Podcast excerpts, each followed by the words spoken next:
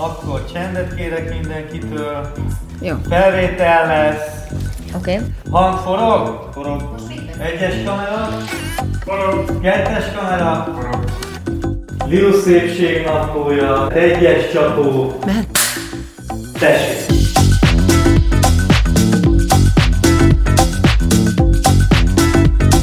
A szépség benned van, de sokat tehetsz azért, hogy ezt mások is észrevegyék. A Rosszmannal közösen készített szépségnapló videóiban megmutatjuk, ebben a podcastban pedig megbeszéljük, hogy mire érdemes időt és energiát fordítani, hogy még jobban érezd magad a bőrödben.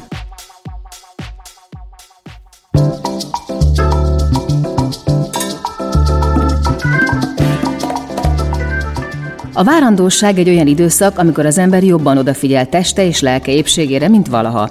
Hiszen nem csak magáért, de születendő gyermekéért is felel. Éppen ezért nagyon fontos tájékozódni arról, milyen aktív hatóanyagok jelenthetnek esetlegesen veszélyt a picire.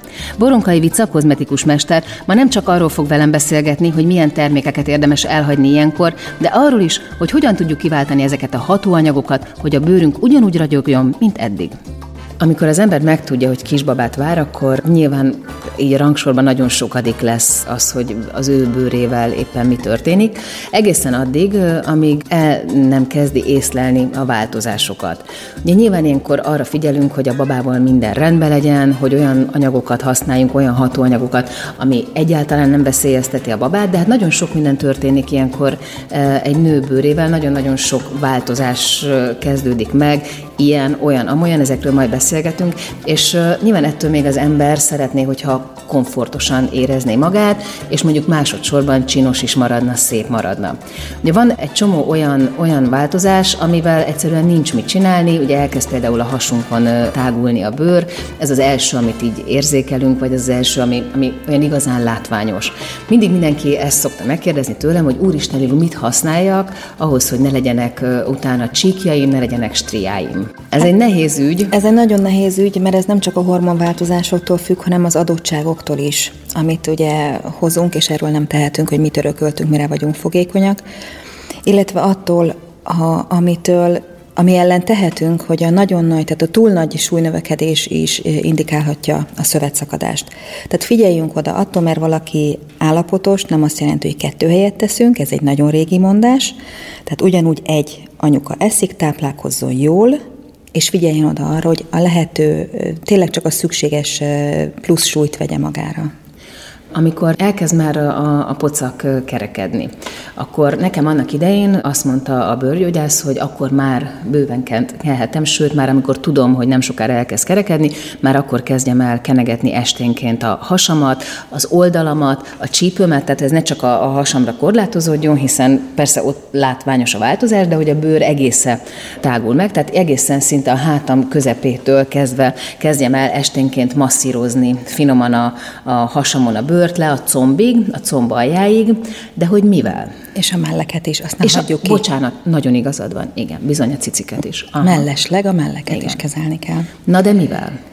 Amivel jól esik. Tehát a, a, az a lényeg, hogy a várandóság alatt lehet, hogy fontos az esztétikum, de fontosabb az egészség, és fontosabb az, hogy ebben az időszakban sokkal érzékenyebbek a kismamák, és lehet, hogy amit addig tolerált testápolót nem fogja bírni. A bőre, illetve ő az illatát például, de sokkal érzékenyebbé válik. Semleges olajokkal lehet kezelni a bőrt. Illatmentes dolgokat keressünk mindig? Lehet. Van olyan kismama, aki tolerálja az illatokat, meg kell találni, hogy mi az, ami számára jó. Én a várandóságom ideje alatt, én előtte használtam egy testápolót, amit imádtam, nagyon szerettem, és a várandóság alatt nem tudtam használni, váltanom kellett egy teljesen semleges, tehát akkor olajjal kentem a bőrömet, illetve váltottam egy ilyen nagyon egyszerű lebutított hidratálókrémre, de nekem a bőrömnek az jó volt akkor, arra vágyott a bőröm. Amit beszéltünk a megjelenésben, az élőben is, hogy nincsen kaptafára tanács egy várandós kismamának. Ki kell tapasztalni azt, hogy neki mi a jó, ő mit szeret, mitől érzi magát jól és komfortosan, és mivel hangulat ingadozásokkal is jár ez a várangadóság, ha valakinek jól esnek az illatok, akkor ne vonja meg magától. Egy kicsit beszéljünk a hatóanyagokról, mert ez is nagyon-nagyon sokszor felmerül, hogy mi az, amit változtatni kell az addigi rutinon. Nyilván a legelső kérdés az mindig a retinol. Igen. Ami felmerül. Akkor arról beszélünk, hogy mit ne okay. használjon, és ebbe a retinoidok igen beletartoznak. Tehát a retinol... Megmondod, hogy miért? Itt azt mondják, hogy biztonsági okokból ugyanis a bőrön nagyon sok minden felszívódik, és nagyon sok minden átkerül a babába. Tehát a várandóság alatt azért az egy testet egyként kell gondolni a, a, a várandós kismamának a, a magzatra, ami benne növekszik, és ilyen biztonsági szempontból szokták azt mondani, hogy ne. Tehát, hogy ne kerüljön át, mert bármi, ami átkerül a kisbabának, lehet, hogy nekünk jó, de neki nem jó. Mi a helyzet a többi hatóanyaggal? Mondjuk a C-vitamin szérumot használhatjuk-e tovább? Az antioxidánsokat, a többit, mondjuk egy zöldtás tónert, vagy, Igen. vagy egy E-vitaminos olajat, ezeket lehet-e használni? Hogyha jól tolerálja a kismama, igen. Én is azt írtam föl magamnak, hogy retinoidokat ne, helyette inkább fényvédőzzünk, fényvédőzzünk, C-vitaminozzuk a bőrt, mert a C-vitaminnal általán nem fogunk. Egyéb antioxidánsokat kenhetünk és fogyaszthatunk is. Tehát uh-huh. nagyon fontos, hogy a különböző színes gyümölcsöket, zöldségeket fogyasszuk a várandóság alatt, mert a táplálkozásunk hatással van a magzatunkra is.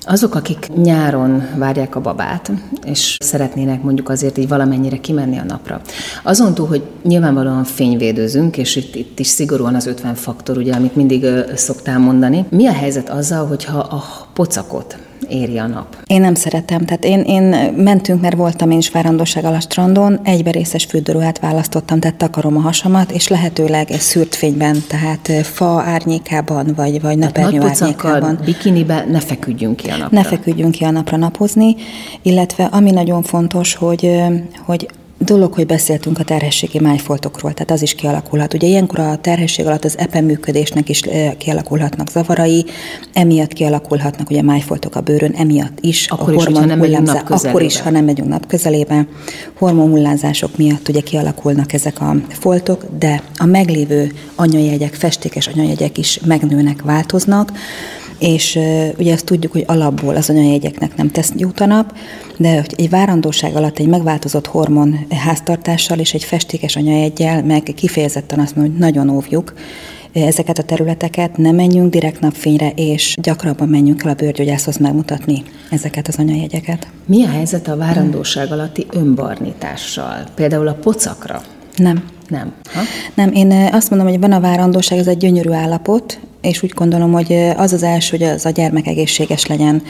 És lehet, hogy esztétikumra is törekszünk, nyilván nem akar senki bányarémként kinézni, de nem feltétlenül az a prioritás, hogy most barnítsam a bőrömet, vagy kifeküdjek a napra, vagy önbarnítót használják. Ugyanis az önbarnító pedig kémiai anyaggal imitálja azt a hatást a bőrben, amit amúgy a napfény kiváltana. Például, hogyha, hogyha nem napoztatja a, a hasát a kismama, de mondjuk szeretné fényvédőzni, akkor, akkor például a, a várandósoknak kifejezetten a, a fizikai fényvédőt Igen, az, hogy igen, lehet mást is, mert ajánlanak mást is, tehát vannak kifejezetten olyan fényvédők. Én személy szerint én a fizikai fényvédőre esküszöm. Tehát amikor azt mondom, hogy biztonsági játékosként játszom, akkor a fizikai fényvédőket, de nem a nanoméretű fizikai fényvédőket. Ez fel van tüntetve, ugye?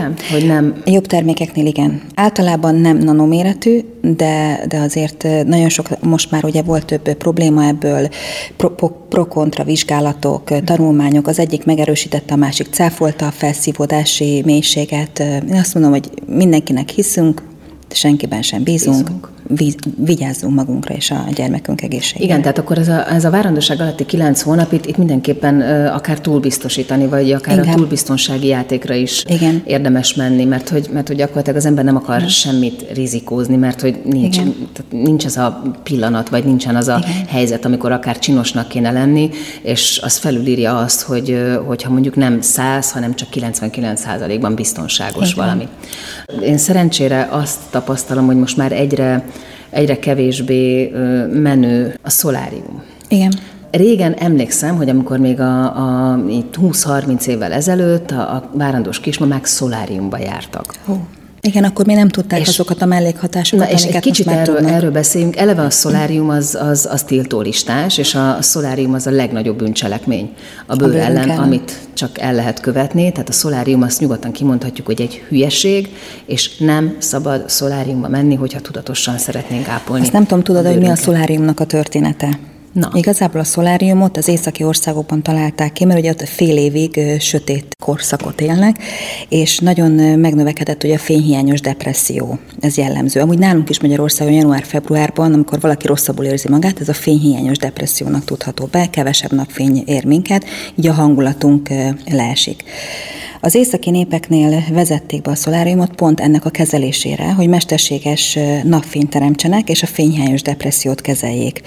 Nagyon jó eredménnyel kezelték a fényhiányos depressziót, azonban megtízszereződött a bőrákosok száma, és egy időben nagyon megdöbbentő adatként, így a 80-as, 90-es évek környékén, hogy sokkal több bőrrákot diagnosztizáltak az északi országokban, mint a déli országokban. Komolyan. És akkor, akkor jutottak arra a következtetésre, hogy akkor itt valami, valami mégsem úgy működik, ahogy kéne. Ugye ráadásul a szoláriumban fényvédő nélkül szokott mindenki Igen, befeküdni. igen. Mondjuk annak idején is voltak fényvédők, de nagyon sokszor inkább bronzolajat használtak, hogy még barnább legyen a bőrük, tehát még jobban fényérzékenyítették a bőröket. De a pocakot, tehát akkor, amikor, Tilos. amikor És a melleket amúgy is. is hülyeség, de Igen. hogyha ott, ott van a kisbaba a hasunkban, akkor gyakorlatilag mondhatjuk, hogy tiltólistás Igen. a szolárium. Igen, igen.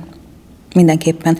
És nagyon érdekes, amikor Németországban éltem, ott kifejezetten felhívták a figyelmet arra, mert ugye hát Németországban is akkor divat volt, ugye, hogy szoláriumozunk, én abban a klímában, abban a hideg környezetben én is vágytam egy kis melegre, egy kis napfényre, és bementem egy szolárium stúdióba, és ott kifejezetten megkérdezték, hogy nem vagyok-e várandós, illetve felhívták a figyelmemet, hogyha levetközöm, adtak egy ilyen védő ápolót, hogy a mellemet, a belbíbómat kenjen be. Itt Magyarországon soha nem találkoztam ilyennel. Hogy ott arra is odafigyeltek, valószínűleg nagyobb kultusza volt, vagy jobban oda, ugye a német precizitás, hogy ne érje káros sugárzás a melleket. És ez is egy nagyon kulcs kérdés szerintem, hogy hosszú távon hogy a különböző kémiai sugarak hogy hatnak, nem csak a bőrre, hanem a bőrön keresztül a szervezetünkre is.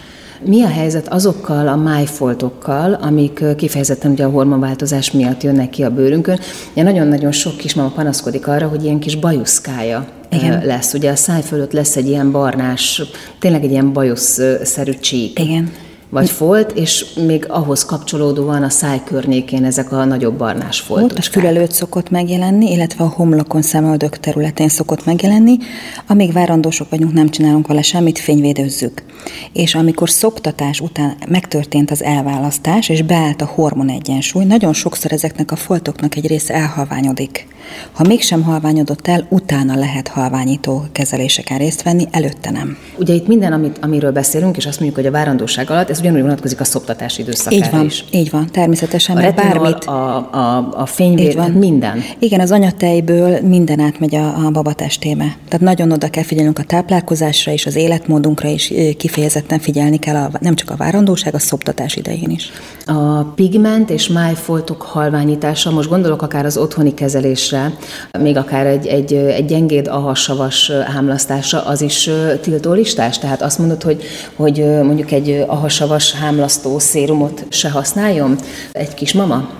Hát ez is jó kérdés, ki mit tolerál. Uh-huh. Mert azt mondom, hogy lehet, hogy egy mandulasabbal nem fog túl nagy problémát okozni, vagy egy pH-val, uh-huh. tehát egy laktobionsabbal, de itt is a biztonsági játékra törekszünk. Mert sokkal érzékenyebb a bőr, és sokkal drasztikusabban fog megjelenni az a hatás, amit mondjuk a várandóság előtt, tehát amikor nem vagyunk várandósok, akkor egy teljesen jó reakciót látunk a bőrünkön, megszépül a bőrünk, ragyogóvá válik. Ugye az első időszak az eleve, eleve ilyen, Igen. tehát a harmadik, negyedik hónapban az ember, ember kivirágzik, Kivirul, igen. gyönyörű lesz a bőre, gyakorlatilag minden eltűnik, és olyan, olyan belenéz az ember a tükörbe, és tényleg látja, hogy soha nem volt még ilyen szép. Ez sem mindenkinél van így, mert valakinél például nálam az első három hónapban nem is tudtam, hogy várandós vagyok, és kegyetlen állapotba került a bőröm, és nekem a második, harmadik trimeszterben vált szépé. Tehát nagyon érdekes, hogy ez sem kaptafára működik. Mi a helyzet a kozmetikai kezelésekkel? Biztonsági játékos ott is, tehát nagyon lágy. Elvileg ugye azt mondjuk, hogy gépi kezeléseket nem. Nem. Tehát semmilyen gépi Nem. kezelés a szoptatás alatt sem. Nem. Ugye e- ultrahangra jár a kismama, tehát elméletben az ultrahanggal túl nagy galibát nem okozhatnánk, mégis azt mondjuk, hogy várandóság alatt semmit, pont azért, mert érzékenyebb a bőr, és ezt akartam egy példát hozni, hogy nekem volt egy olyan vendégem, ugye egy sima, egyszerű ahasavas radírt tettem föl neki, és elkezdett foszlani másnapra a bőre, és még nem tudta, hogy várandós. Aha. És utána derült ki, hogy már akkor egy olyan ahasavas peelingtől, amitől soha semmi problémája nem volt, úgy reagált a szervezet, hogy még nem is tudta, hogy kisbabát vár, ezzel hívott föl, hogy húha, valami történt, mit csináltam más, hogy semmit nem csináltam más, hogy ugye egyből elkezdtük finoman kezelni, visszahidratálni, gyulladást csökkenteni a bőrét, és két hét múlva tudta meg, hogy kisbabát vár. Tehát a bőr sokkal előbb jelezte az állapotváltozást, mint ahogy ő tudott volna róla. Az, hogy amikor megtörténik az elválasztás, és, és az ember újra elkezd egy picit arra figyelni, mm, szerintem az nem pont az elválasztás után van, hanem nagyjából rá egy évre, de amikor újra van időd és energiád arra, hogy, hogy egy kicsit így visszarendezd magad a, a várandóság előtti időszakra, és most itt konkrétan a bőrre gondolok, uh-huh. akkor, akkor te mit mondasz a, a visszavezetésre? hogyan kezdjük el újraépíteni a rutint, akkor már jöhet a retinol, milyen retinol, akkor kezdjük el, el ugyanúgy, mint a várandóság előtti leggyengédebb retinolt használni, vagy használjuk ugyanazt, amit egyébként a várandóság előtt használtunk. Kezdjük el újra szoktatni a bőrt uh-huh. ezekhez az anyagokhoz, bármiről is legyen szó, szépen egy lépcsőzetesen újra, újra be kell vezetni a bőrünket.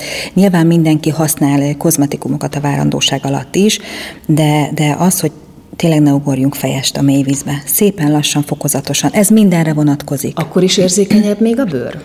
Ez is változó, mert vannak olyan kismama vendégeim is, én magamon azt tapasztaltam, hogy szélsőségesebben reagálok. Alapvetően nem érzékeny a bőröm, de hét hónapos a kisbabám, és amikor valami változás történik, hevesebben éli meg a bőröm. Tehát akár egy menstruációs uh-huh. időszakot hevesebben, mint előtte. És az első gyermekem után azt vettem észre, hogy körülbelül egy év kell ahhoz, hogy normalizálódjon a szoptatás utáni időszakról beszélni, tehát körülbelül egy év az, hogy beálljon újra ez a rendszer, és újra visszatérjen a normális ütemébe a bőr is. Azt is kérdezték többen, hogy például, hogyha ugye elkezdenek, gyakorlatilag mondhatjuk, hogy egy, egy rutint váltunk azzal, amikor megtudjuk, hogy kisbabánk lesz, és, és tényleg mindent annak rendelünk alá, hogy a létező legbiztonságosabb legyen. Hogy például a bakucsiol, az, az ugye ha nem is váltja ki a retinol, de azért nagyon sokban el lehet érni azt a hatást. Azt például biztonságosan lehet használni? Hát azt mondják a, a forgalmazók, hogy igen. De én meg azt mondom, hogy Azért nem. Tehát nem Aha. feltétlenül kell erő, erőltetni. Tehát inkább a megelőzésre menjünk a várandóság alatt, inkább tényleg ezeket az antioxidánsokat, C-vitaminos kezelés, fényvédelem, tehát ezeket használjuk.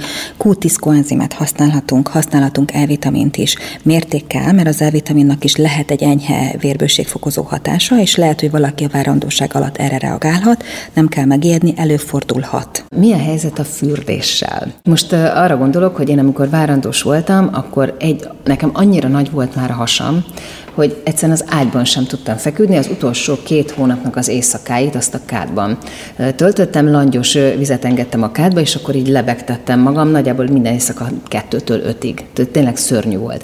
És annyira száraz lett, nem, egyszerűen nem bírtam ki máshol, és annyira száraz lett a bőröm, hogy nem volt semmi, ami helyre hozta volna. Ja, hát utol... Állandóan viszketett a hasam, de úgy viszketett, hogy, hogy tényleg, és nem, akarom, nem akartam vakarni, mert, mert azt éreztem, hogy azzal szerencsétlen gyereket vakarom, igen, itt az van, hogy van egy kifejezetten egy ilyen jelenség a harmadik trimeszterben, pont ez a bőrviszketés, ami kifejezetten és a terhességi bőrviszketésnek hívják. Valójában semmi tünet nincsen. Itt annyiról van szó, hogy a, bőrben lévő kis idegvégződések már ugye felfokozott állapotban vannak, uh-huh. és már ugye hamarabb triggerelhetőek, és ugye ez a viszketés gyakorlatilag maga ez egy érzet, és a De tünet... borzalmas, mert valódinak érzed, igen, tényleg, tényleg. És ilyenkor olajjal, krémmel szépen átmasszírozni.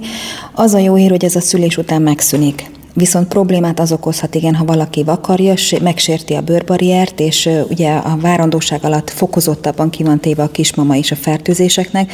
Tehát igazából itt a tünet, maga a vakarózás uh-huh. lehet a bőrön. Aha. A szőrtelenítés még. Nagyon jó ami, kérdés. Ami egy érdekes, érdekes téma a várandóság alatt. Hormonhullámzás. Az ember még, még, még, ugye, még az is más, tehát hogy egyszerűen más, máshogy szőrösödik az ember.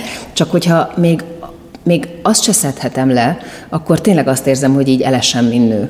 Igazából le lehet szedni, tehát a lábon megjelenő szőrt azért le lehet szedni. Ami, ami nagyon fontos, hogy a köldök és a szeméremdom között kialakuló, szőr, kialakult szőrzetet, tehát a has, az alhas részén, azt ne, ne szedje le a kismama, nem borotválják, ne kezdjék el gyantázni, mert az a hormonváltozások miatt van, uh-huh. és a esetek 98%-ában a szülés után ez szépen lassan kikopik és eltűnik. A szőrtelenítésnél gondolom itt is nagyon fontos, hogy fel sem merüljön például egy lézeres Semmi. Szőrte. Nem, nem. Tehát ilyenkor az epiláció énektilosak. Ami, ami nagyon jó az, hogy egy lágyabb, tehát hogyha valaki azt érzi, hogy sérülékenyebbé válik a bőre a gyantázásra, akkor váltson cukorpasztára például. Aha. Illetve, hogyha erek, mert ugye értágulatok is megjelenhetnek a lábon. Ugye Bocsánat, a... még azt akartam kérdezni, vannak ezek a krémek, amik, amiktől tudod így le, le, le, lehet törölni, van ez a krém, és aztán utána letörlöd.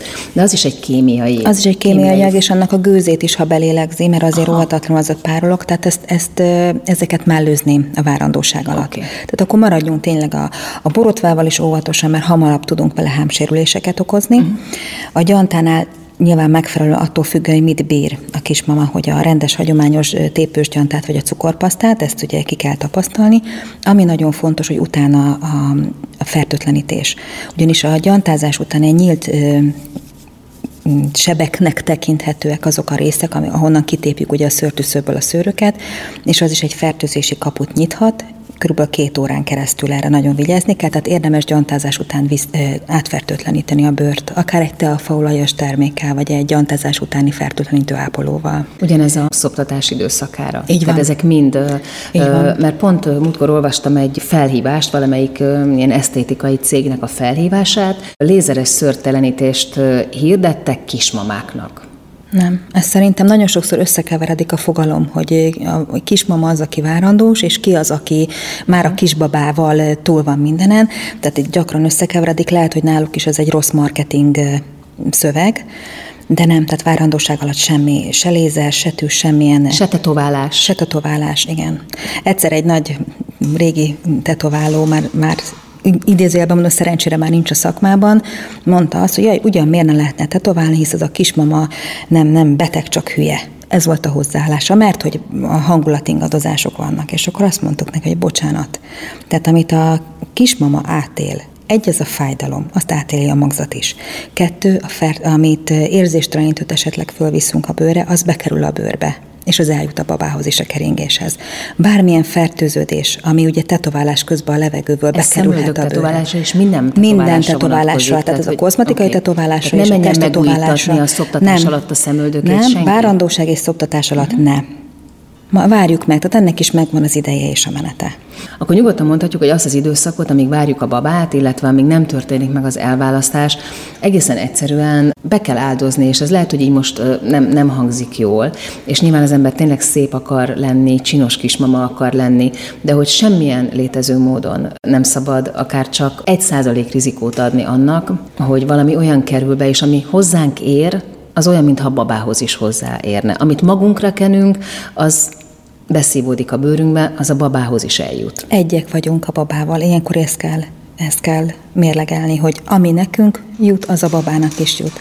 És milyen csodálatos a magyar nyelv. Ugye minden nő máshogy dolgozza fel a várandóság időszakát, ugye magyar nyelven áldott állapot, amikor valaki nagyon vágyott a kisbabára, és végre teherbe esett, áldottnak érzi ezt az egész helyzetet. Várandós, mert várja, várja. Ugye ez a, mint karácsony előtt az advent, a várakozás mm. időszaka és van, aki terhességnek éli meg, tehát teherként éli meg, és ez a nem mindegy, mert általában aki teherként éli meg, a nőiesség elvesztéseként éli meg ezt az időszakot, sokkal nehezebben mond le ezekről a kozmetikai eljárásokról és beavatkozásokról. Tehát azt kell tudatosítani, hogy át formálni ezt a, a nyelvezetet is, amit használunk. Nem terhesek vagyunk, nem terheltek vagyunk, hanem áldottak vagyunk, és várakozunk, tehát várandósok vagyunk.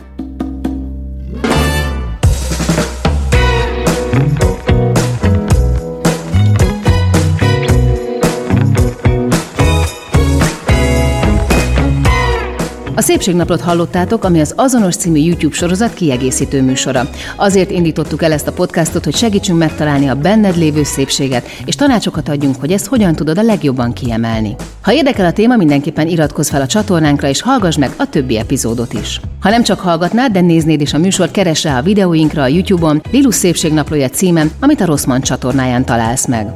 A műsor szerkesztője Zsille Sára Franciska, felvételvezetője Csomor Attila, a gyártásvezető Gröger Dia, a zenei és utómunka szerkesztő Szűcs Dániel, a kreatív producer Román Balázs, a producer pedig Hampuk Rihárd. A Szépségnaplót is Lilut hallottátok. Ne felejtjétek, a szépség tanulható.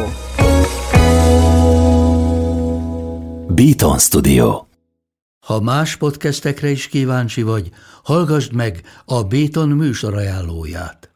El tudod képzelni, hogy a podcastet, amit éppen most hallgattál, fél év múlva már a mesterséges intelligencia generálja? Mi sem. De ha érdekel, eljötte már a gépek lázadása. Hallgass bele az Embertelen podcastbe. Orsós Lajos vagyok, a műsor házigazdája. Egyelőre még élőben. Egyelőre. Fedezzük fel együtt, hogyan ismerkedik, randizik, mesél és vitatkozik Betty és Péter, két teljesen mesterséges intelligencia. Lajos, a podcast címét mond még egyszer, Léci. Oké. Okay. Embertelen podcast. Ez egy Béton podcast.